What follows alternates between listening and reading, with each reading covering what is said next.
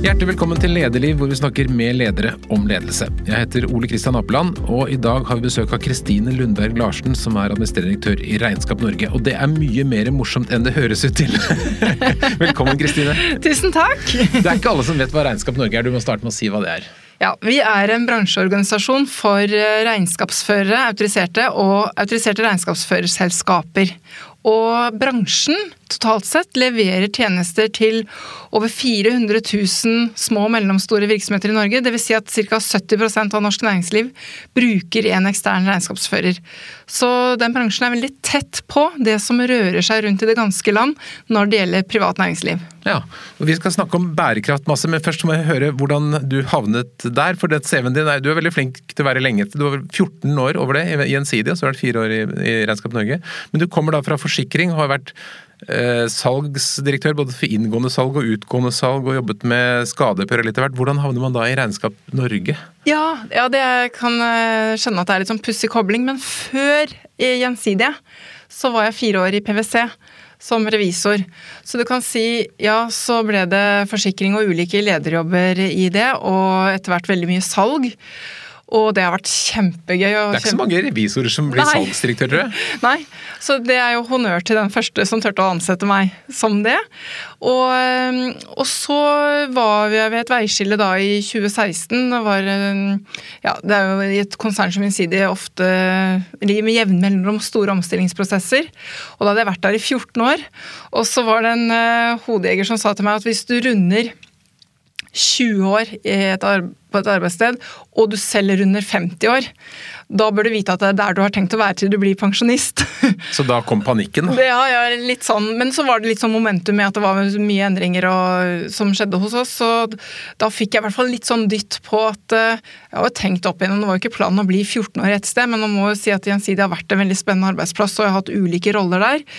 Så har jeg tenkt liksom ut og søkt, eh, sett på noe utafor, men hver gang så har det dukka opp så interessante muligheter internt, ikke sant. Så da ble det 14 år. Men da fikk jeg litt sånn dytt på at nei, nå må jeg sjekke ut. Og da var tilfeldigvis den stillingen eh, som leder for Regnskap Norge utlyst.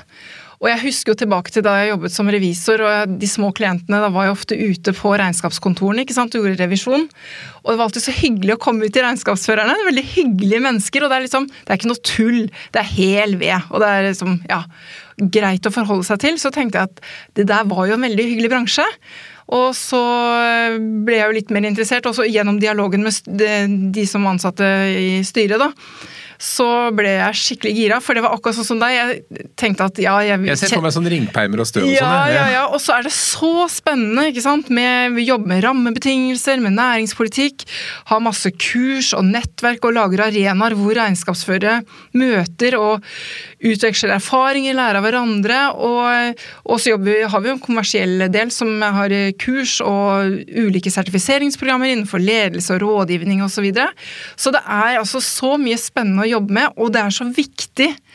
Hele derre hva bransjen, samfunnsoppdraget, det at vi sikrer at næringslivet er ryddig og folk følger reglene, betaler den skatten og momsen de skal, ikke sant? for det er en viktig del av den norske velferdsmodellen. Så det er meningsfullt på så mange områder. Og nå de siste par årene også ser vi hva er vår bransjes rolle i det grønne skiftet. Men teknologisk så er det jo mye mer som går av seg selv, og man slipper bilag. Er det behov for regnskapsfører, ja, eller blir det en utdøende bransje? Ja, og det er, jo, det er, jo, mange som har stilt det spørsmålet. Og hvis du husker for et par år siden, så var det mye sånn avisforsider på at uh, disse bransjene blir borte. Og det kan man jo bli litt sånn stressa over, for at det er stor regnskapsførerne og revisorene. og bank og forsikring og det var liksom eh, det var, Men da, da, da, jeg så at eh, fastlegen også kom på den lista, så tenkte jeg æh, har hun dratt den litt langt, har vi ikke det? Og jeg tror at eh, det som er min opplevelse av det nå, og erfaringen hittil, er at ja, ting, rutineoppgaver uh, blir automatisert. Uh, det er fortsatt veldig mye vi mennesker kan drive med, og som vi Mange ting regnskapsføreren egentlig hadde hatt lyst til å drive med, men ikke hatt tid til, og som kunden hadde satt pris på at man involverte seg litt mer og var mer aktiv og sparringspartner. Så nå får man jo frigjort tid til det. Og så er det interessant å se at i, i bransjer som regnskap, revisjon, forsikring, bank, som jo har ja, det er masse teknologi som har kommet inn, og mange oppgaver som har blitt automatisert, som du sier. Omsetningen fortsetter å øke. De ansetter flere og flere. Det jobber like mange i banksektoren i dag som rundt 2000. Sånn at det, og jeg tror det er vel litt sånn som vi mennesker er, at får vi effektivisert bort noen oppgaver, så vi vil jo være i aktivitet. Da finner vi andre ting vi, som er meningsfylt og som gir verdi for kundene, og så fyller vi det rommet. Men er dette en bransje som unge mennesker har lyst til å gå inn i? Ja, og det er jo eh, litt varierende. fordi at noen har jo latt seg skremme av disse avisforsidene. Men så er det de som kommer i kontakt med regnskapsbransjen, ser jo at det blir jo enda mer spennende fremover fordi at de kjedelige oppgavene er i ferd med å bli automatisert. Så kan man gjøre mye mer analysearbeid, mye mer aktiv dialog med kundene sine. Bruke fagkompetansen sin på nye områder, mer involvert som type økonomisjef i, hos kundene sine. Passe på internkontrollsystemer. Ja, mange ting. Se på finansieringsløsninger. Ja, som hjelper kundene å få en mer lønnsom virksomhet in the end. Ja. Altså, jeg elsker regnskapsfølgen vår, som er et lite regnskapskontor Samvika Regnskap. Jeg skryter av de. Veldig veldig flinke, og det jo, hadde jo ikke vært noe gøy å drive business uten. Så det er bra, da tror vi på det. Fortell, når du da kom inn i, i Regnskap Norge, og du skulle være en leder der, hvordan, hvor stor organisasjon, og hvordan tenkte du at du skulle være som leder? Ja, det er eh, For du hadde jo ikke vært toppleder før? Nei, Nei. så det er jo nytt. Og det å rapportere til et uh, styre, det er nytt. Nå sitt, har jeg sittet i noen styrer selv, da, så jeg hadde litt sånn erfaring fra den siden. Men uh, nei, det å være toppleder, og det er jo innimellom så må man jo bare ta noen beslutninger også. Så det er litt Innimellom så er man litt alene, selv om jeg har ledergruppa å spare med og andre i mitt nettverk. Vi? vi? er 40 ansatte. Mm. Og det er seks avdelinger, så det er eh, seks Ganske stor virksomhet, ja. ja. Og så har vi 8700 eh, personmedlemmer, og så har vi 2500 bedriftsmedlemmer, og der jobber det jo da mm. mange tusen mennesker i de Så det er jo mange rundt oss som er, vi er involvert Mye med. Mye folk å forholde seg til, ja. ja. Mm -hmm. Og du som leder, hadde noen tanker når du gikk inn der første gang, hvem du skulle være? Ja, øh, altså Jeg fikk jo et oppdrag fra styret og det gikk eh, ut på at uh, hele regnskapsbransjen var jo da Hvis vi tenker 2016, da når jeg begynte på slutten av 2016, så var man jo midt i det der stresset rundt ja, det digitale skiftet, og oppgaver ble automatisert, og alt var litt sånn mye som var nytt rundt det. Og løsningen, det ser vi jo bransje etter bransje som blir digitalisert. der uh, Vinnerne er jo de som er mest kundeorienterte, som virkelig evner å sette kundens behov først. Forstå hvilke behov og forventninger kundene har i forskjellige kontaktpunkter, og svare opp det. ikke sant? Så det er jo en sånn snuoperasjon og for å få med en hel bransje, så det var viktig. Og så var det viktig for egen organisasjon at når vi snakker om at våre medlemmer må bli mer kundeorienterte og organisere seg på en annen måte, bruke et videre spekter av fagfolk fordi man leverer på mye større, videre spekter enn tidligere, så gjelder jo det oss selv og Det er jo noe med å ta egen medisin. Og Regnskap Norge hadde aldri vært omorganisert eh, tidligere. Det er en organisasjon som har vokst sånn sakte, men sikkert opp gjennom eh, årene. Vært gjort mye godt arbeid og vært gjort veldig mye godt politisk arbeid. Men eh, det å, å se innover på egen organisasjon det hadde ikke vært gjort eh, sånn sett eh, før. Det lå som en, en av sånne fem grunnpilarer i den strategien som gikk fra 2014 til 2017. Så styret var litt utålmodig i å kjenne igjen organisasjonsstrukturen i forhold til den strategien, da. Og da gikk jo jeg på med friskt mot, og eh, fikk satt i gang å mappe opp kundereisen. For jeg tenker at det er liksom det første. Når vi skal organisere oss rundt kundene, så må vi, må vi ha et klart bilde av det målbildet for 2020, og så jobbet vi veldig i en strukturert prosess eh, for å skape den nye organiseringen. Og alt gikk jo sånn sett ganske greit. Det var jo litt sånn, eh, blir litt urolig og sånn, men du kan si fra vi tok den beslutningen at sånn skal den nye organisasjonen se ut. Og vi begynte med kartleggingssamtaler eh, og plassering av ledere, og så medarbeidere. Så det er klart at da, det, da ble det en del uroligheter i 2017. Og det var jeg kommer jo fra et børsnotert selskap hvor man stadig gjør endringer. Mm. Så for meg så var det jo en litt annen kultur å komme inn i en forening hvor ikke, de ikke var vant til å gjøre det på den uh, sånn, da. Så det var litt sånn eh, Jeg skal ikke si kulturkrasj, men det var litt sånn krevende periode for oss alle, egentlig. 2017, høsten 2017, når vi kommuniserte en ny organisasjonsmodell 1.6 gjorde kartleggingssamtale med lederne før sommeren, de ansatte etter sommeren, og den nye organisasjonen var på plass 1.9. Da kjørte vi. Og da var det jo alle hadde jo fått en eller annen endring. Det var ingen som gjorde ting akkurat sånn som før. Det var nye avdelinger satt sammen på tvers av de gamle avdelingene. Vi jobber mye mer i matrise. Mye mer fokus ut mot medlemmene. Så, eh, så det var eh, klart uvant for en del, da. Har det gitt resultater? Det har gitt resultater. Eh, nå skulle jeg ønske at jeg hadde sett enda bedre resultater på bunnlinja. At jeg kunne liksom slå sånn Se her, vi har økt omsetningen. For det har jeg kunnet vise til tidligere ved tidligere endringsprosesser jeg har ledet. Og det kommer, og, og det var jo litt sånn Inngangen til 2020 var at i år skal vi virkelig nå kapitalisere på de investeringene vi har gjort. Både med organisasjonsutvikling og utvikling av våre ansatte, men også nye tjenester og produkter vi har utviklet de siste par årene så skjedde jo det som skjedde i mars, og, og da ble jo alt kastet om på det. Så det blir spennende å se. Jeg tror ikke det blir sånn halvgærent, men det blir jo ikke helt det. Jeg hadde tenkt vi skulle få sånn megaeffekt i år, da. Men det som jeg får tilbakemelding fra styret på, som de ser, er at gjennomføringskraften har gått tydelig opp. Det besluttes, det er ganske korte prosesser, og så gjennomfører vi. Og der det, tok det lengre tid før hvis det i det hele tatt kom i mål. Sånn at det, det er kanskje det styret og våre medlemmer merker mest at eh, takten har økt, og vi gjennomfører 100% Men du har da gjort eh, endringsprosesser flere ganger. Hva har du lært? Hva er liksom oppskriften på en god forandrings- eller endringsprosess? Ja, det, det, kan jeg si en del om. Eh, det, altså det første jeg har lært, er at det å bruke god nok tid innledningsvis. For det vi blir fort så fokusert på målet der fremme, så glemmer vi å forankre at vi har en felles forståelse av nå-situasjonen. Men hvis du skal seile til Bergen, og én oppfatter at vi er i Trondheim, og en annen oppfatter at vi er på Lindesnes, så er det helt ulike kurs og ulike ting som man skal gjøre. Så det å bruke god nok tid, og det har jeg erfart at de gangene jeg har skynda meg litt for mye, så tar prosessen i sum lengre tid. Og så er det det at det gjør vondt. Endring i seg selv gjør vondt. Du kan ikke organisere deg rundt utenom det. Det, liksom, det ligger i sakens natur, og jeg syns kanskje vi snakker litt for lite om det. For alle kjenner at vi i en, lever i en verden hvor den teknologiske utviklingen gjør at ting blir mer og mer komplekst. Endringene går raskere og raskere. Så det er jo noe med å venne seg til at takten stadig øker, men det gjør vondt, alle endringer som vi ikke har kommet på sjøl. Mm. Så det, og så er det Det jeg har blitt veldig, fått erfare på selv, har blitt veldig bevisst, er at eh, når du kommuniserer et krevende budskap, så er det begrensa hva mottakerne klarer å ta inn på én gang. Vi snakker om de nivåene med reptilhjernen, følelsessenteret og, og, hjernebarken. ikke sant? Og reptilhjernen er jo den derre fare-ikke-fare. Og når hjernen sier ikke-fare, så kan vi håndtere fem til syv sanseinntrykk samtidig.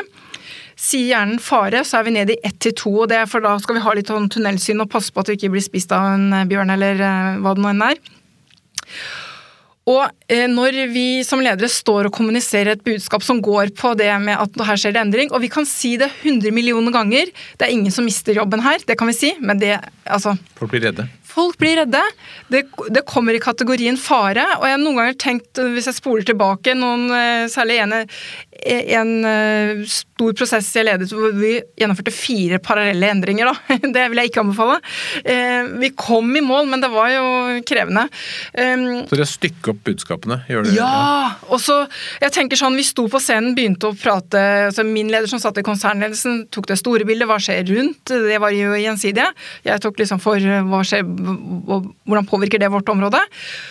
Og derfra ut så tenker jeg, hvis jeg tar da perspektivet at jeg sitter i salen, så tror jeg det blir sånn, sånn stumfilm. For da mm. begynner ikke sant, man begynner å tenke ja, jeg klarer jeg er vant til å jobbe på denne måten, og det håndterer jeg. Pleier å få bonus ikke sant, hvis mm, mm. selger. Hva skjer nå? Vil det nye systemet fungere? Nye bonusmodell? ikke sant? Det, og så hører de ikke etter, rett og slett.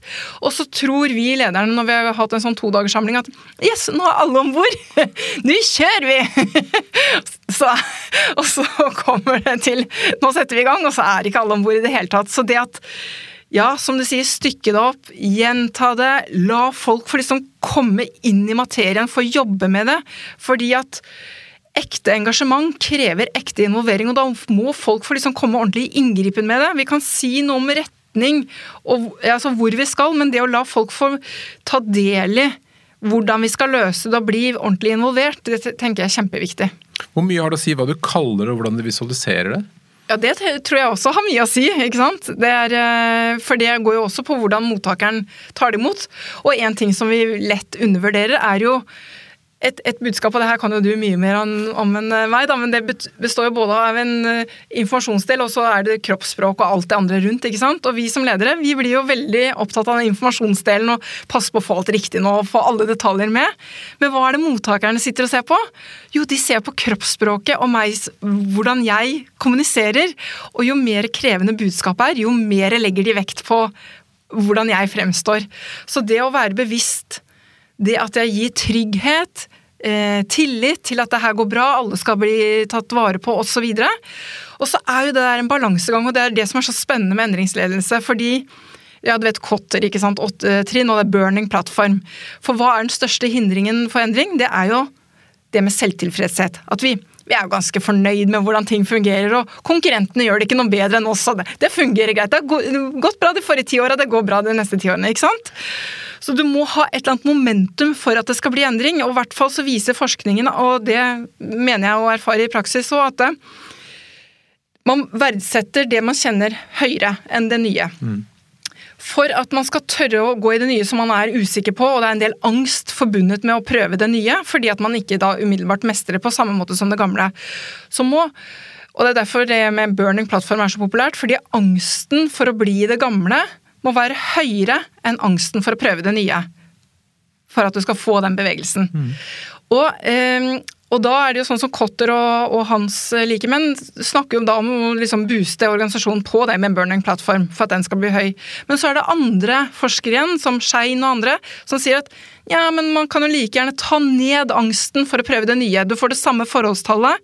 Du stresser ikke organisasjonen så mye, men du skaper en psykologisk trygghet for å gå i det nye. Og det har jo jeg Jeg tror at man må få noe momentum for at vi må endre, men jeg har veldig tro på det å skape psykologisk trygghet for å tørre å prøve det nye. Trene, tilbakemelde, reflektere osv. Samtale. Det er mye, mye kommunikasjon. Men I tillegg til alt disse forandringene, da, så har du i den siste årene blitt en veldig ambassadør for bærekraft og for regnskap inn i bærekraft. For meg så har jeg ikke tenkt så veldig mye på det, for å si det forsiktig. Hvilken, altså, hvordan, ble dette engasjementet født? Ja, altså Det har ligget sånn rent personlig i meg fra, fra, oppveksten. Jeg har alltid vært mye ute i naturen. Jeg er gammel hestejente og alltid hatt hester og hunder og brukt naturen. sånn at jeg har alltid vært hatt sånt engasjement for det. Og jeg kan huske tilbake Husker du da han Fredrik Hauge var sånn den, Det nye var det på 80-tallet? Ja, ja, med islender og kjekk og kjeler så vidt Ja, ja. Og da husker jeg da var det sånn, da kunne man bli personlig medlem i Bellona, og det var jeg. Så jeg husker at jeg gikk på posten den gang man gjorde det, med ukepengene mine og betalte 50 kroner i måneden for å være Bellona-medlem. Hadde sånn Bellona-T-skjorte og sånn. da. Så det var nå det. Men så har det jo ligget VM hos meg liksom opp igjennom. Men da eh, jeg begynte å, å ble nysgjerrig på det med sirkulær økonomi det kom gjennom egentlig en dialog med en venninne av meg som heter Katrine Barth, som var eh, founder av Circle of Norway. Mm. Og var litt sånn sparingspartner til henne i oppstarten der. Og så begynte jeg å bli med på noen konferanser og seminarer bare for å se hva er det her for noe. Og så så jeg ganske raskt at her er det masse gode initiativer og mennesker med gode intensjoner. Men de har ikke tenkt på at de må ta med seg noen som må regne hjem det her. For jeg tror ikke at det vil skje et reelt grønt skifte før det blir lønnsomt å jobbe grønt. At de bærekraftige forretningsmodellene er lønnsomme. Så da, i 2017, så var det sånn Det bare ble sånn oppvåkning hos meg på det, da. At eh, her har faktisk vi et ansvar, vi som jobber innenfor økonomi og finans, til å bruke fagkompetansen vår for å hjelpe til at det faktisk skjer. For jeg tror det må skje mange ting, spennende ting i alle bransjer, og man må snakke sammen på kryss og tvers. Men inni kjernen så er det tre nøkkelfaktorer som jeg tenker er sånne key enablers. Da. Det er For det første må det skje innovasjon i forretningsmodellene.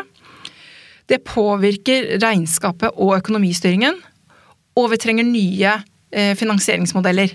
Fordi de nye forretningsmodellene passer ikke med de gamle finansieringsmodellene. Og det eh, strever jo oppstartsvirksomheten. Kan du gi noen eksempler? Ja, jeg kan gi et eksempel.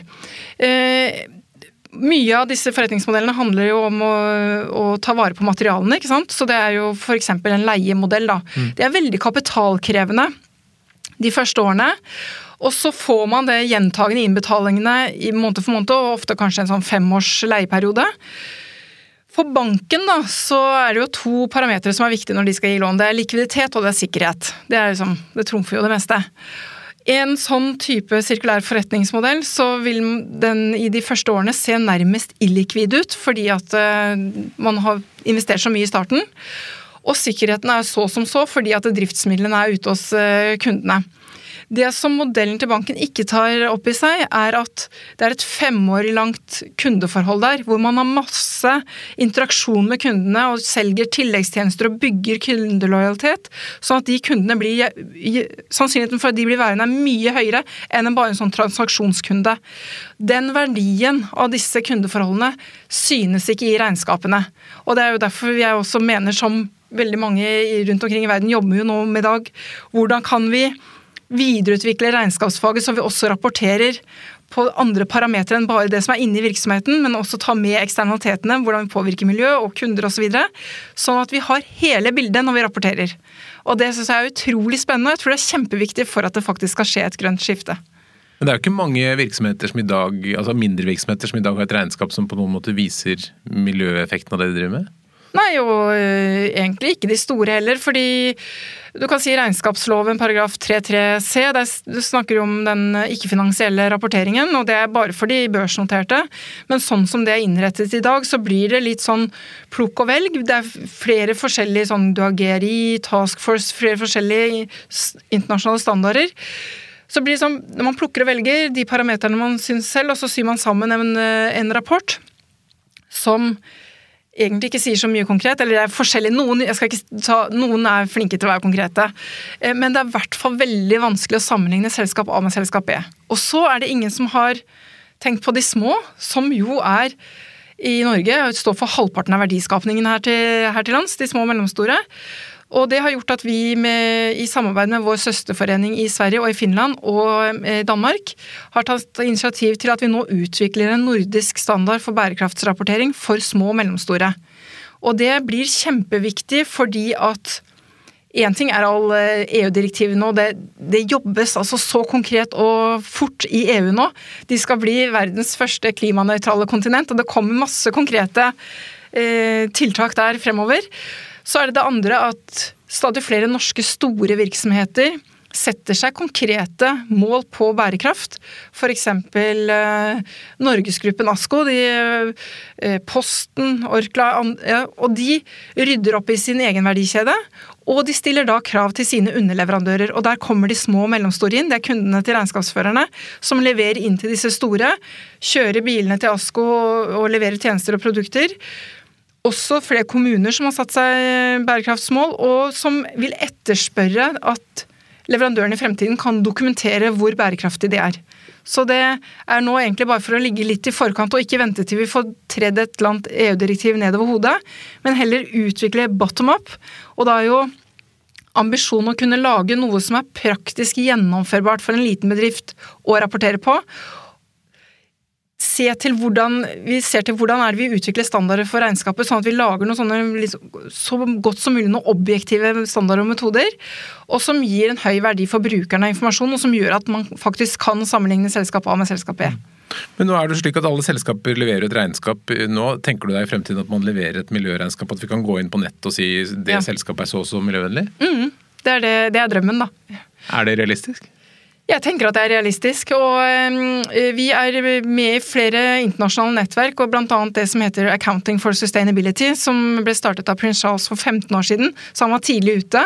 Og han er jo akkurat opptatt av regnskap og økonomi sin rolle i det grønne skiftet. Og der er det Innenfor eh, Accounting for Sustainability så er vi tre sånne type hovednettverk, og så møtes vi på, på tvers om, men det er accounting bodies, sånn som Regnskap Norge. Så er det et CFO-nettverk og så er det asset owners som type ja, KLP og andre pensjonsfond. Og det er nettopp det med å lage strukturer som gjør at pengene vrir seg mot og flyttes til de grønne investeringene. Og da trenger man det som ligger i hjertet av fagdisiplinen til regnskapsføreren. Noen som lager system, strukturerer, dokumenterer og rapporterer. Og det er et nytt forretningsområde for regnskapsførerne. Og hvis ikke vi tar det, så kommer noen andre til å ta det. Men det er en sånn åpenbar mulighet hvor både lage business av det, men også å bidra til at eh, det blir et reelt grønt skifte. Men regnskapsfaget generelt er jo ikke noe jeg opplever som veldig innovativt. Det er ganske lange linjer her. Når var det man startet som man gjør i dag, sånn stort sett på et forretningsregnskap? Ja, vi, vi Da kan vi spole langt ja, for tilbake. Du nevnte et årstall til meg tidligere, var det jeg fisket litt etter. Ja, altså, det er jo tatt vare på annet eh, Det er et eh, museum i Egypt, og det er et museum i eh, Irak, hvor man har de Altså, de for, før man skapte skriftspråket. Altså Når menneskene gikk fra å være jegere og fiskere til å, bli, til å drive med landbruk. Det var første gang i vår historie at vi lagde noe som gikk med overskudd. Vi produserte mer enn vi trengte selv. Og da fikk mennesket umiddelbart behov for å telle og måle. Og så brente man sånne typer kuler og kjegler og forskjellige former i leire, som tilsvarte forskjellige mengder av f.eks. korn. Og så var jo det starten på handelen. Så vi mener jo å si at det første siviliserte mennesket var en regnskapsfører.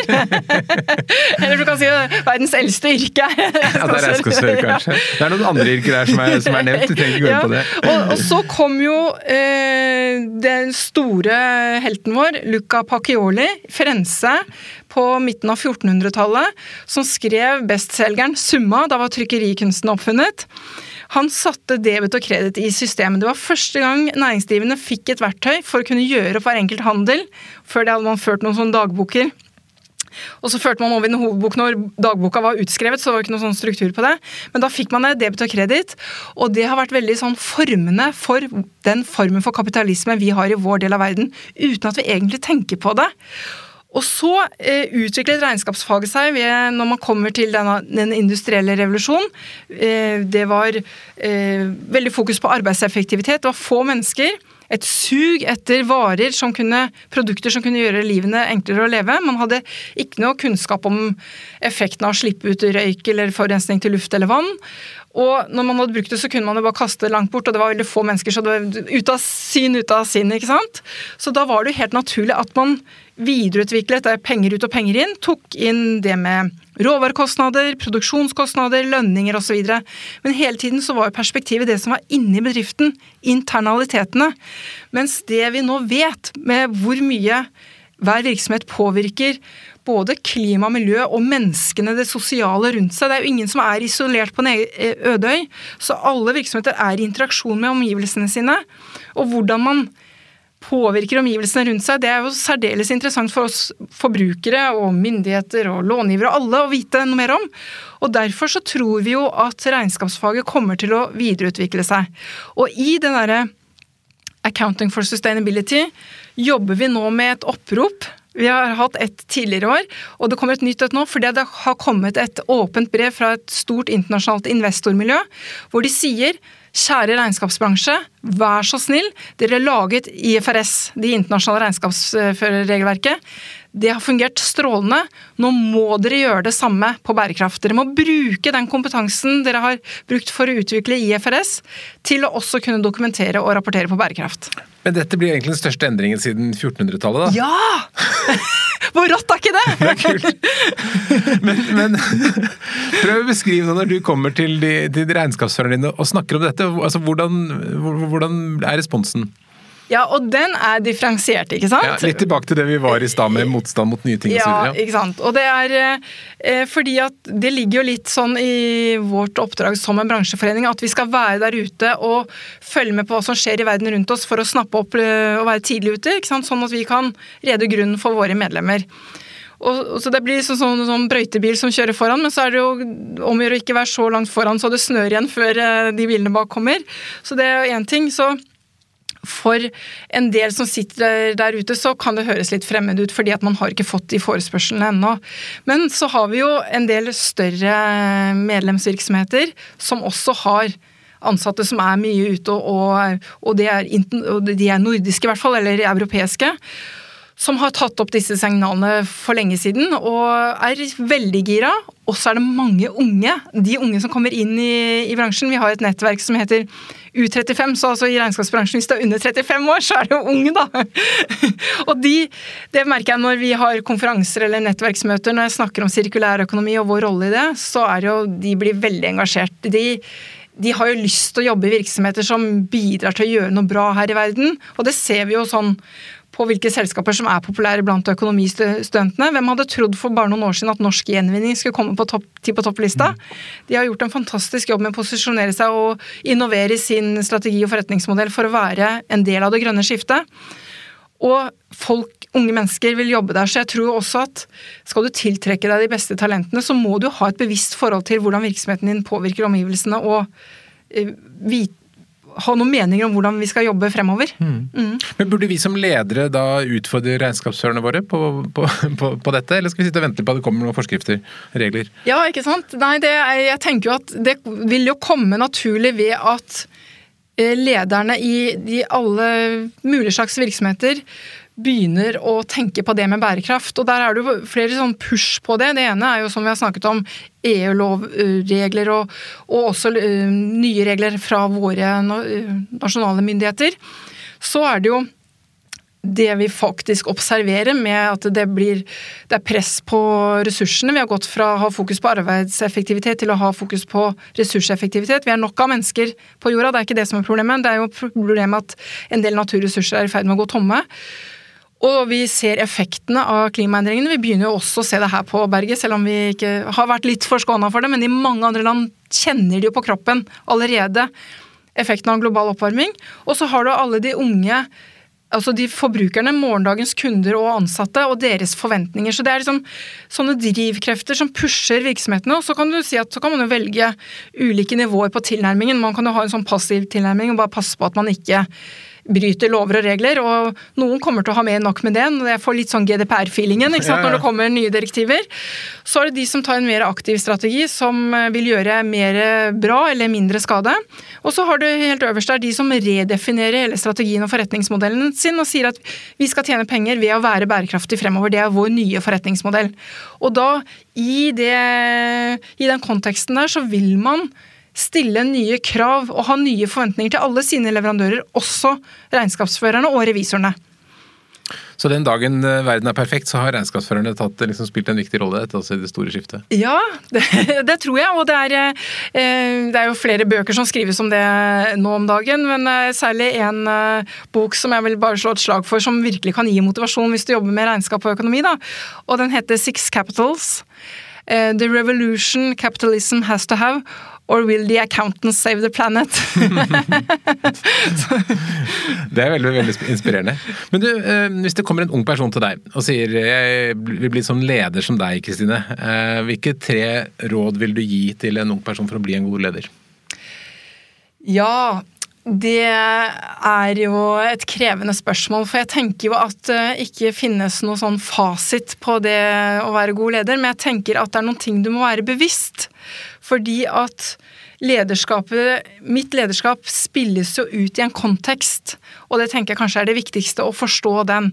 Forstå oppgaven skal, som skal løses. Det er noe annet å lede et salgsmiljø enn et fagtungt miljø som jeg leder nå, ikke sant?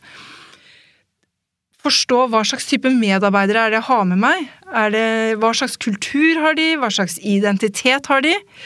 Og hvem er jeg som leder? Og det å kjenne seg selv tror jeg er veldig viktig. Være oppmerksom på mine styrker og mine utfordringer. Og se det i sammenheng med virksomhetens verdi og visjoner, selvfølgelig. Så det å ha et bevisst forhold til konteksten, og så er det jo hvordan man spiller ut lederskapet sitt. Og Der er det jo mange dilemmaer som du sikkert har kjent på opp gjennom årene. Eh, det å ta hensyn til individet versus fellesskapet. ikke sant? Hvor er du der? Det å være, ha fokus på struktur og oppgaver og det liksom mer formelle, versus det å se hele mennesker og det myke og det varme. I ulike situasjoner jeg har vært oppe gjennom årene, så liker jeg helst å være i det derre å ha det gøy og jobbe med engasjement og, og full fart fremover og støtte og heie osv. Men noen ganger, når jeg, i hvert fall hvis det har vært sånne ryddeprosesser, så må man dra seg langt over på den struktursiden og slå ned noen påler og få ordning og reda før man kan ha det gøy. ikke sant? Så rådet der er å være, vite hvor du er? Vite hvor du er. Og så tenker jeg eh, det er jeg syns det er interessant å lese eh, forskning, ny forskning på det med ledelse, og det tror jeg er viktig som leder òg. At du er at du hele tiden leser og tilegner deg ny eh, informasjon og kompetanse. Og det med Jeg har jo ledet store salgsmiljøer. Siste jobben min i Gjensidig så var vi 90 ansatte, hadde salgsbudsjett på 400 millioner. Og da er det veldig lett å bli veldig opphengt i KPI-er og bonuser osv. Men det at det er en bra butikk, det kommer av at du har fornøyde og lojale kunder. Og for å få fornøyde og lojale kunder, så må du ha glade og engasjerte medarbeidere. Det henger sammen. Så er det um, lett å bli opphengt i å sitte og telle og måle. Man skal telle og måle og vite at man er på riktig vei, men verdiskapningen skjer i den første delen. Det med glade og engasjerte ansatte det gir fornøyde og lojale kunder. Det blir bra butikk. Og for å skape eh, Du kan jo ikke skape motivasjon hos et annet menneske. Det er jo det er fullstendig, det er fysisk umulig. Det å sette en annen i bevegelse, det må komme innenfra. Men vi som ledere kan gi noen rammebetingelser. Og da er det jo tre faktorer som er veldig viktige for det med den indre motivasjonen.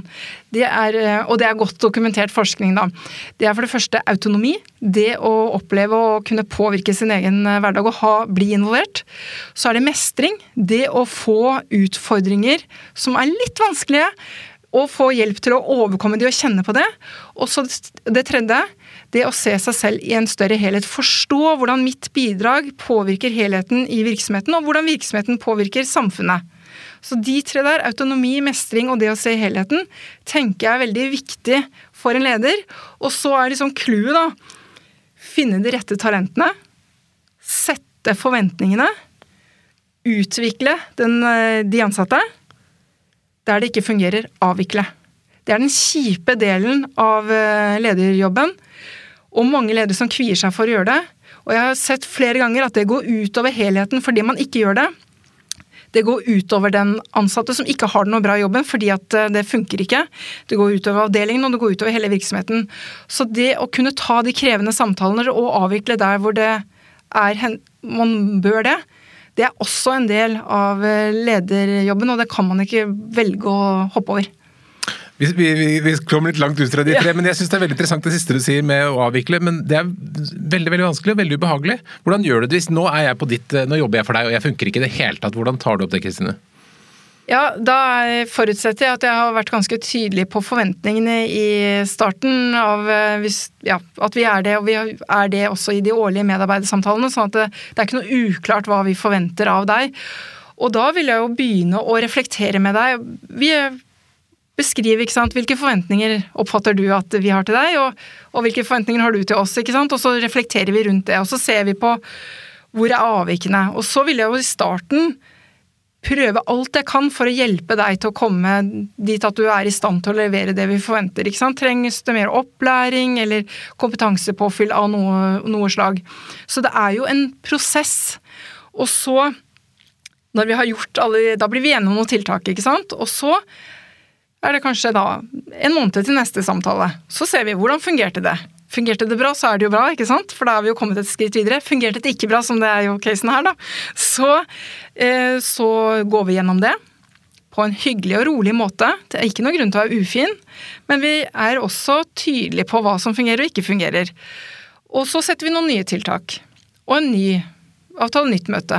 Så, og da er jo nøkkelen hele tiden å dokumentere. Hele veien. Det er et nitidig arbeid, men hele veien dokumentere. Og når vi har gjort det noen ganger, og det fortsatt ikke fungerer, så kommer vi inn i kanskje sånn 14 dagers intervaller på disse samtalene. Og så er vi kanskje i, på en uke. Og da begynner det å bli eh, ubehagelig, og da begynner vi også å se på erkjennelsen av at det ikke fungerer. Er da min erfaring er hos begge parter. Mm.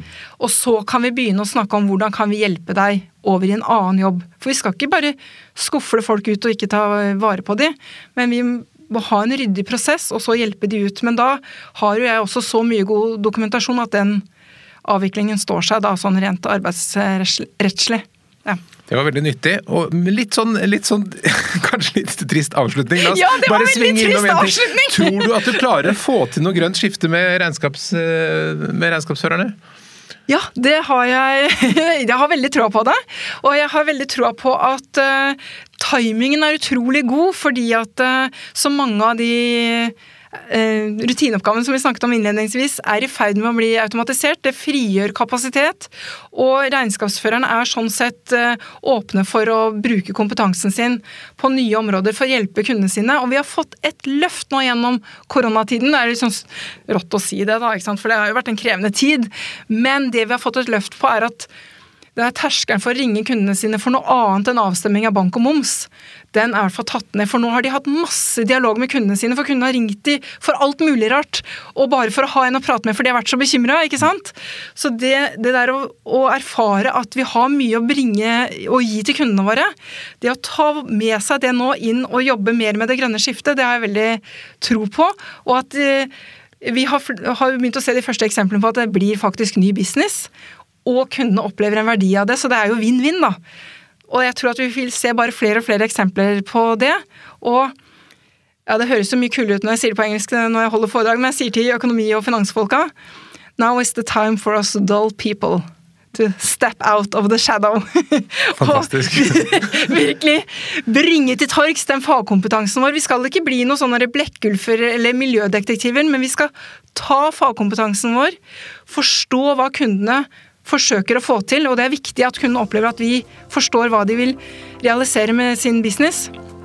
Og så skal vi bruke fagkompetansen vår til å hjelpe de å skape en lønnsom virksomhet. Regnskapsbransjens Fredrik Hauge. Veldig bra. Kristine Lundberg Larsen, tusen takk for at du kom til Lederliv. Tusen takk for at jeg fikk komme. Lederliv vær en podkast fra Apeland. Redaksjonen består av Ellen Paulsen, Lars Jarle Melum, Lars Volden og meg, som heter Ole Kristian Apeland. Hvis du vil høre mer, så trykk abonner. Da får du varsel når det kommer nye episoder. Og hvis du har noen tips, så send en e-post til tips at eller til meg, ole. Takk for at du lytter.